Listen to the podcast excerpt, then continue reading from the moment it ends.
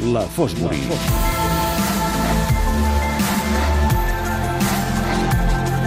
Avui que tots plegats hem estat pendents de l'elecció de la seu del Mundial d'Atletisme del 2019, avui la Fosbury coneixerà, ens farà conèixer la història d'una dona que va brillar en la primera edició d'aquesta competició.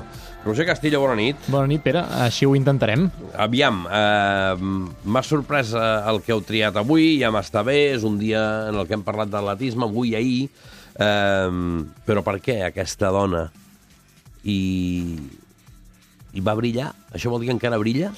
Encara brilla perquè han passat 31 anys des de que aquesta dona va fer un rècord del món, que és el rècord més antic vigent encara avui en dia del món de 31 l'atletisme. anys? 31 anys ningú ha aconseguit batre'l. És un rècord del món que està sota sospita. Això és una època, ens anem als anys 80, estem a l'any 83. Jarmila Kratochvilova, una esportista de la República Txecoslovàquia del moment, um, doncs se'n va El taló acabar... d'acer. El taló d'acer. Estem parlant d'una època divertida a nivell de, de moltes Sí, coses, però sí. en l'àmbit de l'esport doncs, eh, passen doncs, eh, que hi ha mm, rumors de dopatge o xarxes esteses directament en molts dels països que competeixen en qualsevol Tractaments competició internacional. especials, de sang, Correcte. de mil coses. Ella podria ser un cas eh, d'aquesta època, però... És un mite, però, És un mite, i és un mite que sempre ha dit que ella en cap cas ha fet cap pràctica dopant al llarg de la seva trajectòria, a diferència de molts dels seus doncs, tant compatriotes com, com coetanis de, de l'època. Remuntem-nos a Helsinki 1983, primers campionats del món de la història, és força recent, van començar Mm. perquè la IAF, la Federació Internacional d'Atletisme, doncs, volia tenia aquesta prova doncs, que permetés competir doncs, cada dos anys, eh, cada quatre anys en aquell moment, però alternats amb els Jocs Olímpics Sí. per tenir aquesta competició de referència. En aquell moment doncs, brilla un jove de 22 anys, Carl Lewis, Mhm. aconsegueix una fita històrica que s'ha aconseguit dues hores amb molts pocs minuts de diferència, salta a longitud, el segon intent diu que ja en té prou, que ja guanyarà la prova i se'n va a córrer els relleus amb l'equip dels Estats Units. Una d'aquestes coses que algun dia explicarem amb calma perquè, perquè val molt la pena. sí, sí, sí, L'altra sí. és ella, és Kratok uh, Vilova, doncs, que participa en aquesta prova amb dos ors, una plata, un rècord del món, um, una autèntica proesa per una atleta que tot just aconseguir el seu millor resultat amb 32 anys. Hem de fer marxa enrere. L'any 1951 neix aquesta, uh -huh. aquesta futura atleta, eh, filla d'un expolicia i d'una ajudanta de granja, perquè em sembla la idea d'un ambient relativament humil. Als 16 anys, un company de classe doncs, l'insta a participar del latisme, entenent doncs, que les classes de gimnàstica arrasa i que ho fa ex- excel·lentment bé.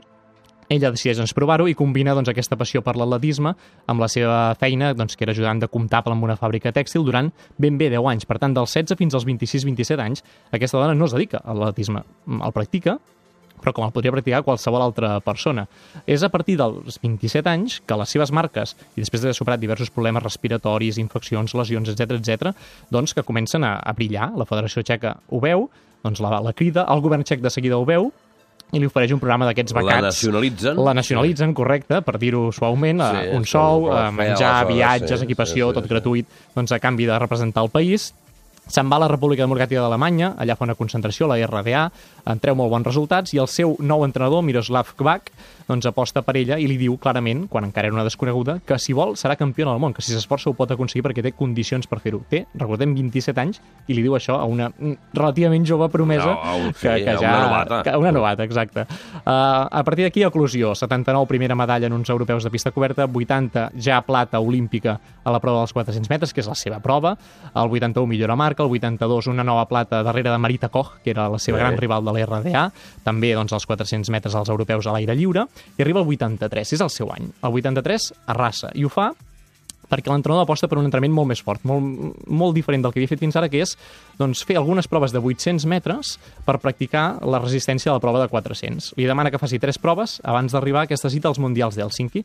La primera ho fa bé, la segona, déu nhi doncs que la tercera, aquesta dona va i ens bat el rècord del món dels 800 metres i fa aquest registre de 1 minut 53 segons 28 centèsimes que encara és vigent a dia d'avui. La tercera prova que corria la seva vida dels 800 Mare metres, quan ella era un especialista de 400, i és un rècord que ningú s'hi ha costat ni molt menys. És a dir, eh, fa pocs anys teníem a, a Pamela Gelimo, però que arribava a 1,54, és a dir, gairebé un segon més tard doncs, del, que, del que va trigar eh, en Kartoshvilova. Per tant, és un rècord estratosfèric, aconseguit mm, gairebé Per espontàniament, per casualitat, i que li va permetre doncs, en aquests jocs de, en aquests mundials de d'Helsinki al cap de dues setmanes doncs, d'aconseguir eh, fites absolutament eh, espectaculars, perquè primer dia de competició, semifinals dels 400, guanya, al cap de 35 minuts s'endú l'hora als 800 metres, és a dir, una doble eh, fita que ningú ha assolit amb aquests temps de registres amb dos proves com aquestes, de 400 i de 800. De fet, cròniques de l'època doncs, eh, parlen de, mm, que no tenia cansament o altres que és espectacular i que entrenadors posaven en dubte que això no fos eh, doncs, possible en aquest món.